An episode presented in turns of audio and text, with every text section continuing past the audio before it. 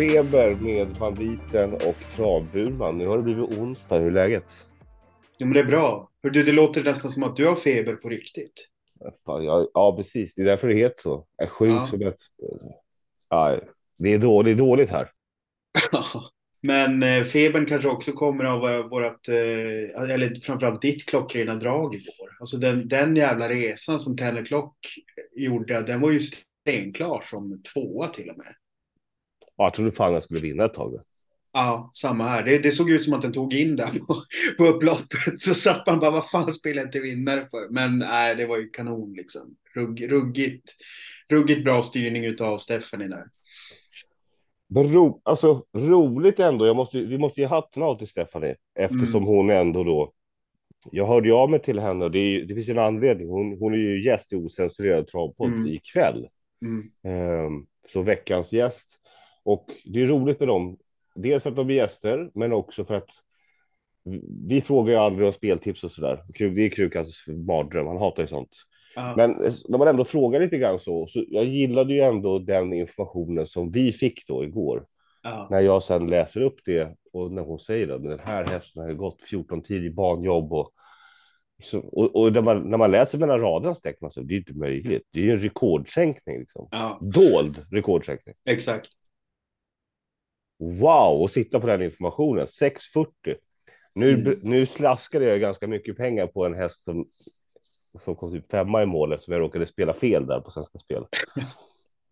Jag tänkte, om båda går in, då är det fan jackpot. Då kommer jag skriva till Svenska Spel att jag älskar er för att vi inte tog bort det spelet. Men skitsamma, det var ett bra plus igår på, på platsspelet. Jättekul. Mm, verkligen. Och det, det känns som att det, det var nog några som ryggade också, för den där dök ju en hel del. Och jag såg inte den, nu följer jag inte andras tips jättemycket, men jag såg inte den utskriken på något annat ställe. Så förhoppningsvis var det väl någon lyssnare som tog betalt också. Ja, det tror jag. Jag har fått Mm. ganska många. Eh, tack för tipset. Även någon Ja. vi, vi känner nära som faktiskt som inte Ja. säger så mycket. De bara lyssnar och hugger. Kalle är Exakt. en av dem. Han är ju. Han är slavisk. Han vinner hela tiden. Ibland råkar jag säga något så glömmer jag det och så har han vunnit och så blir jag Ja. arg. Då vill jag ha pengar av honom, men det så kan man inte få. Okej. Vad har du på agendan idag då?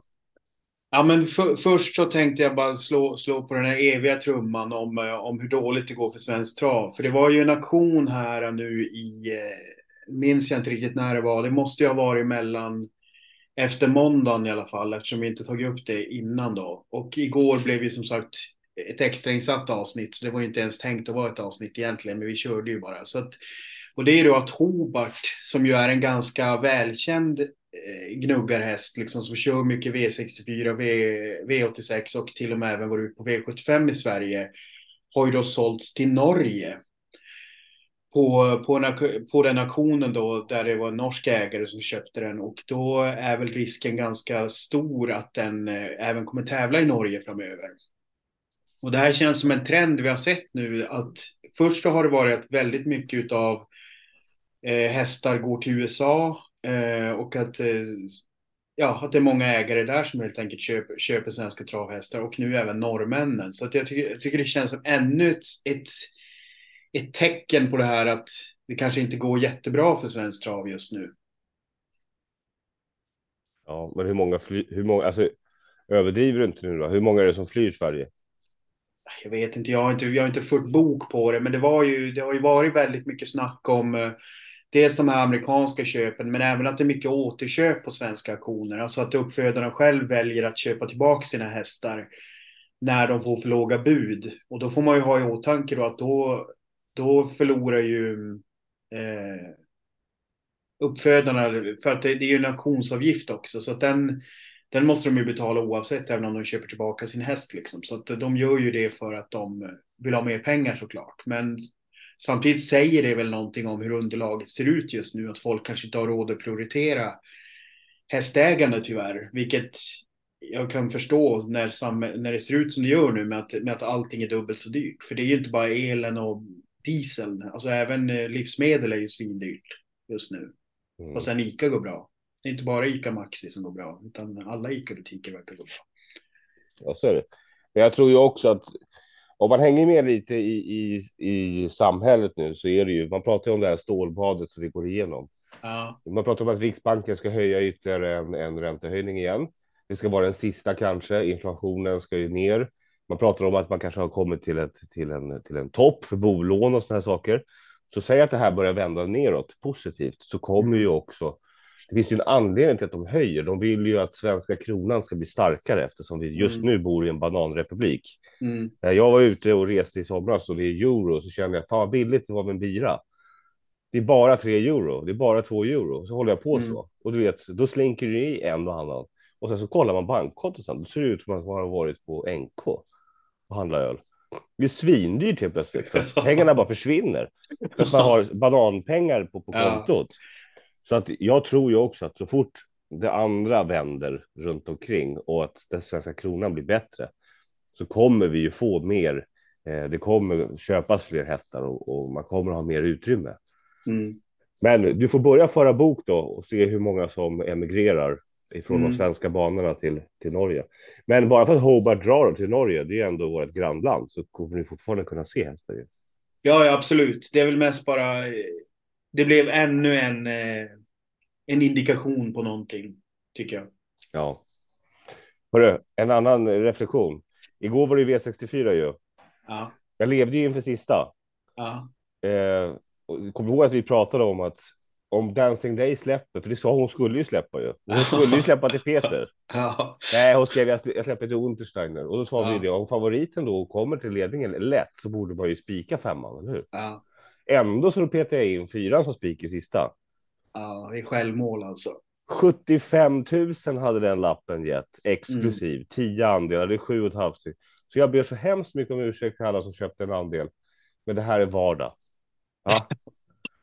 Jo, men det, det, det blir ju sådär också när, när vi inte lägger hundra andelar var så blir det ju lite mer att man faktiskt måste vara någorlunda rätt på det också. Man, man kan inte sitta och, och lägga en, en lövmatta med system eh, där något alltid kommer liksom vara hyfsat nära. Utan vi, vi försöker gå lite mer på vad vi faktiskt tycker och tänker.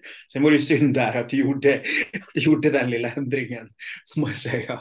Jag Eller ändringen, jag vet inte, du hade väl lite spikaren innan kanske, men i och med att vi pratade om det. Jag, jag hade också tänkt spika, men gjorde inte det heller, idiot som jag var. Nej. Jag var inte lika nära som dig.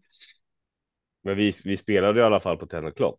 Så mycket. Det ska vi vara nöjda över. absolut. Jag, jag gillar undertonen att du är lite glad när jag missar. Eh, det, finns ett, det, finns ett, det finns en glädje någonstans där bakom. Som, Nej, men det, är- det är ju mer att det, det är ju, det är ju liksom, det är väl, det är väl mer status quo, det är ju det på något sätt. Det var ju därför det blev lite uppryckt i söndags när du väl satte den och med Flemming också som spik av allting. Så att, Ja. eh, men det går, ju, det går ju inte att komma ifrån att du, att du är het just nu. Så är nej. Kul. Mm. Nu släpper vi mig som spelare. Nu Yes. kliver vi in på torsdagens riktiga kuskmatch. Här Ja. har du någonting. Vad är det som händer på torsdag? Nej, men det är ju då ljus, Ljuses utmaning, eller ku- kuskmatchen Bröderna Ljuses utmaning. Och det är alltså på torsdag på Östersundstravet där de då kör tre stycken eh, försök. Eh, och de har då bjudit in två kuskar var. Alltså va, alla fyra Bröderna Ljuse har bjudit in två kuskar var till den här utmaningen som ska vara med då. Och där de då tävlar mot varandra på en, i en riktig kuskmatch. Det vill säga att Per Lindroth kommer alltså köra mot sin egen häst i minst ett lopp. Det kan även bli så i finalen. Eh, där han också har en häst med. Som eh, Per Lindroth är ju Östersunds tränare. Så det var ju lite svårt att undvika. Mm. Och nu är inte jag insatt i regelverket. Men tydligen så finns det ju då att man kan göra undantag för det här med, med ägargrejer. och det är ju det de har gjort här då. Så att de kan möjliggöra det här. Och jag tycker att det här är fantastiskt intressant. Och hade gärna sett det på V75 också. På den här Åbys V75 Champions eller vad fan det heter i januari. Hade jag gärna sett det. Men det är ju lite svårare där. Eh, eftersom det utgår ifrån eh, tidigare års resultat och så vidare. Snyggt. Sen, Hörru. sen är det ju, det, det upplägget är alltså de här tre försöken då. Och så sen så är det, det poängutdelning. Och i slutändan så kör de ett, ett finallopp efter V64-omgången med 100 000 i första pris. Och där, där gör de då så att den som har mest poäng väljer häst först där. Och då hästarna har ju redan fått spår och grejer i det sista loppet. Eh, men, eh, och jag har inte kollat jättemycket på dem. Men jag tyckte bara hela upplägget är klockrent. Jag tycker det här är jättebra. Jag hoppas verkligen det blir en återkommande grej hos Östersund, Östersundstravet. Är det snö och brodd eller? Ja, det kommer nog vara, det lär väl vara lätt risigt. Eh, eller alltså man kan, nog, man kan nog utgå ifrån att det är ganska kallt och snöigt. Kul, men det kan vi följa upp sen. Mm, yes. Hörru, kan inte du ta med dig en hem, hemläxa då till sen? Det, jag, hörde att jag läste lite om det här med, de har ju någon sån kuskliga ju. Wäjersten går väl bra i den tror jag. Uh, men det finns, det är skillnad på det där med, med kuskliga och de som har kört in mest i, i Alltså det, det, det, det, som, eh, det som de går på med den här allsvenska kustligan, det är ju liksom lunchtrav och allt möjligt. Liksom. Det är ju det är bara mest antal segrar, typ. Mm. Eh, sen, sen det som folk brukar bry sig mer om, det är ju det här med mest inkört. Mm. Men, men där, där är det ju så sjukt beroende på vilka tränare man kör åt. Så att jag menar, Örjan och Magnus har ju jättestor fördel när de kör liksom storkanoner i årgångslopp så mycket som de gör. Var hittar man den informationen om jag vill hitta den? Är det inne på ST eller? STL.se ja. ja. Ah, ja okay. Du kan väl eh, hemläxa, ta fram lite sånt där och hjälp banditen att få lite koll. Absolut. Till någon, någon dag och så, så kanske vi kan ha en länk till det där. För det är lite kul mm. att följa.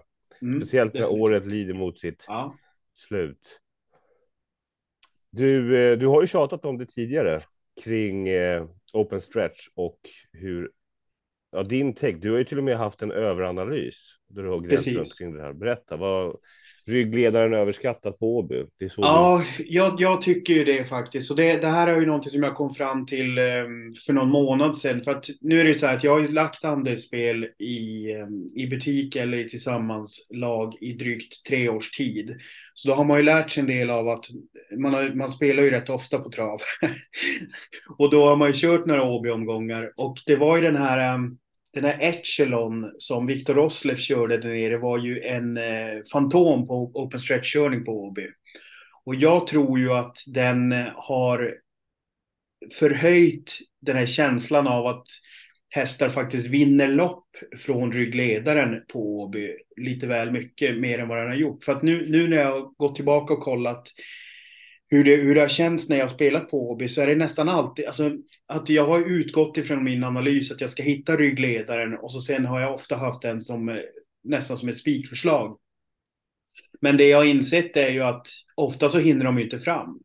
Utan det är, det, det är därför jag tycker att det är smartare att om man, om man ska hitta ryggledare eller, eller tredje invändigt, alltså startsnabba hästar som kan hamna ryggledaren eller tredje invändigt, så är det bättre att försöka hitta höga platsodds. Därför att de, de blir väldigt ofta två och trea istället.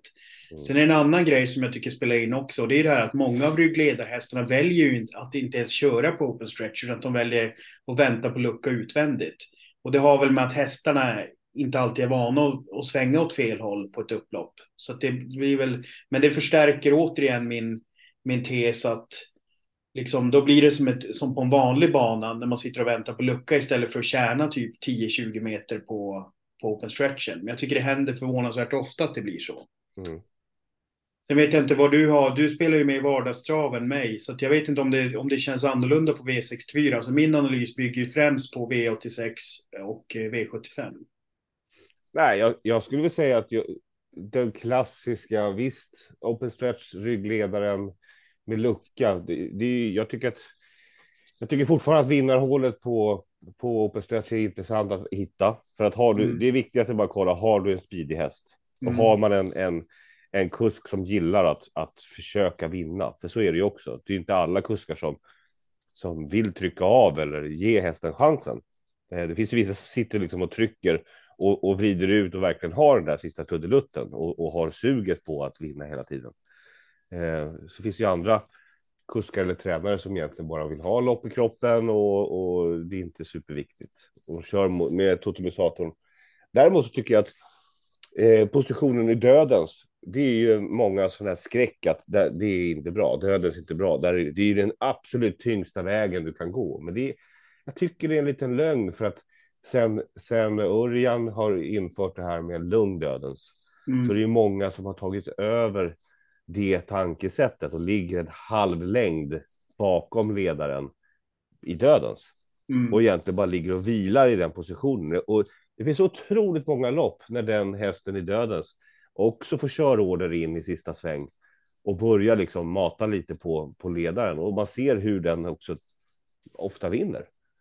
Så jag tycker dödens är fortfarande en, en, en attraktiv, eh, beroende på vem som kör då, position.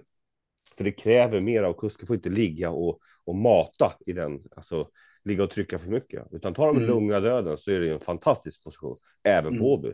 Mm.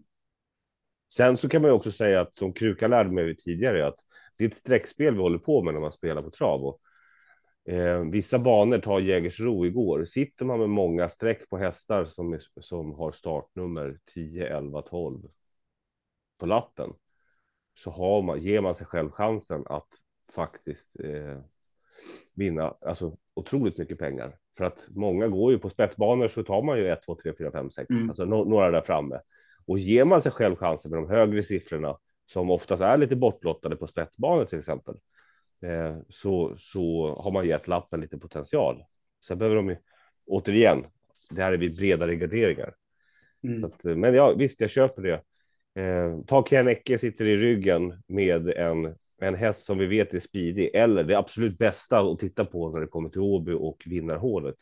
Tror vi på ett vinnarhål, startsnabb häst som ska släppa, typ som Stefanie igår berättar. Mm. Den kommer ta spets, och den, men den vill släppa. Och den satt fast senast med alla krafter kvar. Det, då tycker jag så här, då skulle jag kunna kliva ut och spika den hästen. För sitter den fast med alla krafter kvar, det är en ganska speedig häst, explosiv när den väl får lucka. Kommer ta spets, kommer släppa. Det är liksom alla indikationer på att men nu, det här kan faktiskt gå hela vägen. Sen vet vi ju inte om ledaren också blir avlöst i loppet. Då ska man sitta i tredje invändigt eller fjärde invändigt. Då är man ju körd. Så du måste ju. Det är mycket som kan hända. Ja, ja nej, det, det är komplext. Men, men jag, jag har faktiskt gjort en aktiv ändring nu när jag pluggar inför kvällens, eller alltså sen ett tag tillbaka nu när det gäller Åby. Och det är att jag stirrar mig inte lika blind på ryggledaren längre faktiskt. För att jag tycker att även om, även om man har en speedig häst så är det det är relativt sällan det händer att de lyckas komma förbi, åtminstone på V86 och v, V75 i alla fall. Så jag, jag rankar ner det lite. Sen statistiken säger säkert att det är bättre än på andra banor, men för den delen behöver det inte betyda att man ska över. Man kan väl säga att jag, jag har lagt för stor del i det tidigare, så jag försöker bara rätta upp min analys lite grann. Ja. Yes. Härligt. Vad har vi? Vi har V86 ikväll va? Ja, det har vi och det är jackpot så det står härliga till igen. Har du något drag? Ja, jag har två stycken. Vi ska se här. Jag ska börja med eh, den första är i avdelning två på Solvalla. Då har vi då 10 Bottnas Intens eh, från Jörgen Westholms stall. Det här är då alltså en extrem barfota häst. Den har totalt vunnit, eh, den har gått barfota runt om eh, tre gånger och vunnit två utav loppen. Den har liksom tre andra segrar totalt på alla starter med skor. Så att den är nästan, eh, nästan lika segerrik eh, trots att den bara startar tre gånger barfota. Grejen är nu att den kommer ut efter alltså uppehåll. Den har alltså inte varit ute sedan i mars. Eh, och då var den trea i ett lopp där. Grejen var att i fjol vid den här tiden så vann den alltså ett lopp på, um, med barfota runt om i november, alltså typ 25 november tror jag det var. Och då hade den också haft ett uppehåll på fem, fem månader. Så att jag tycker att den är ruggigt intressant till 2,52 procent. Och då är det ju, här, här ska man framförallt kolla återigen då plats, eh, platsspelen. Eftersom den trivs med balansen så tror jag att det, liksom, det kommer inte vara någon förhöjd galopprisk eller något sånt där. Utan eh, hon går nog bara bättre med skor. Så att får vi ett vettigt platsodds då är den riktigt intressant. Och sen såklart som någon slags form av omöjlig jackpot-häst tycker jag också att den är intressant. Sen har vi då den som jag tycker är riktigt intressant på riktigt. Eh, och det är ju då i avdelning 3 på Åby. Nummer 12 Dogleg. Thomas Urberg. Spelar till 1,11 procent.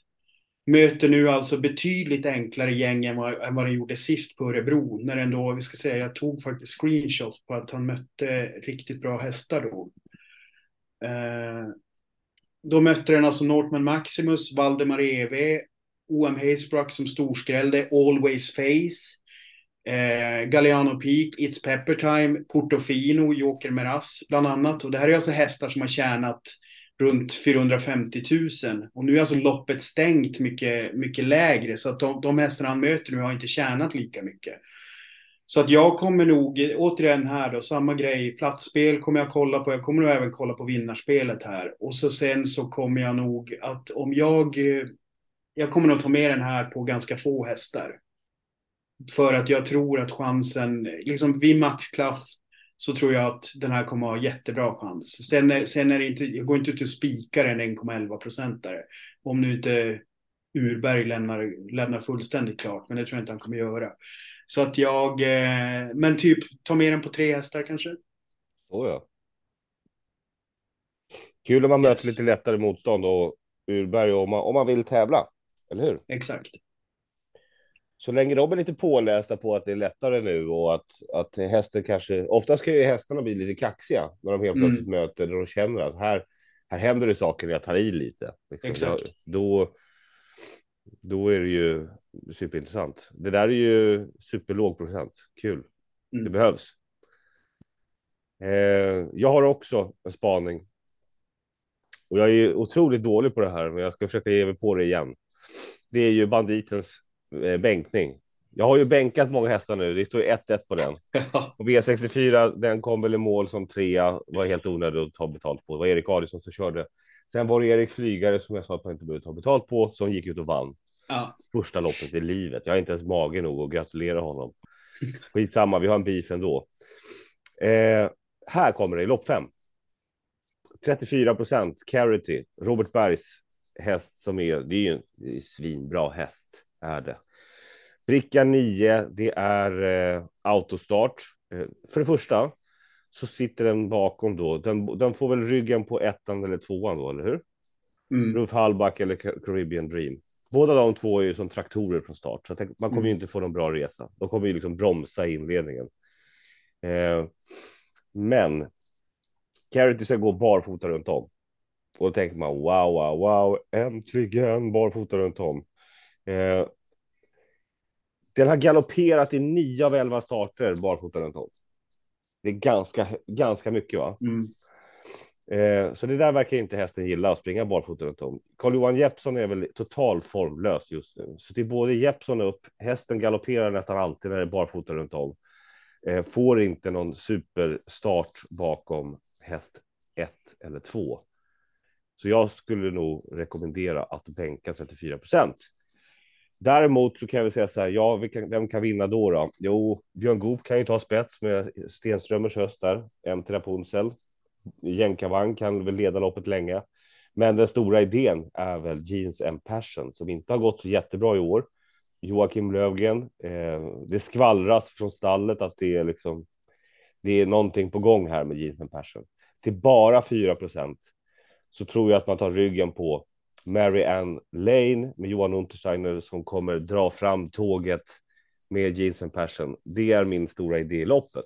Sen behöver man inte bara gå ut och vinna, men bänkningen är carity av den enkla anledningen. Mm. Ja, men det är, jag håller med. Jag, jag tänkte liknande tankar när jag såg carity och den här barfotan. Faktiskt. Sen måste vi kolla upp Hans Krebas med Tacherit. Krebas är ju en sån som han skulle ju kunna köra sig till ledningen, mm. även om det kostar hur mycket som helst. Och så är den bara knallfin där framme. Och så undrar man varför har han inte sagt någonting? För det, så där gör ju han ibland. Så det måste vi faktiskt kolla upp. Eh, ja, spännande. Sen, bara titta på en annan spaning i loppet. Thomas Malmqvists hästar går ju som tåget. Får upp Kianecke, offensiv, Dennis Girl. Mm. Ja, jag tycker jag tror att här vill jag inte slösträcka Carity. Uh, här vill jag hellre ta med, säg att jag ska ta med fem hästar för det är det jag har råd med på systemet. Mm. Då tycker jag att det är bättre att ge systemet lite potential och så bänkar jag Carity. Jag kanske till och med bänkar, ja, inte vet jag, på onsdag. För jag, om det är en häst som stannar i ledningen så har jag ändå bänkat 46 procent av sträckan. Mm. Det, det är lite småspännande att gå in där. Men det är inte kul som, som köpare av mina andelar för att de vet att han är galen. Men så, så går tankarna i alla fall i, i avdelning Ja, det är bra att du, det är bra att du är uppriktig och transparent. ja. Vi ska runda av, eller hur? Yes, det ska vi. Vi hörs på fredag. Det gör vi. Ta hand om dig.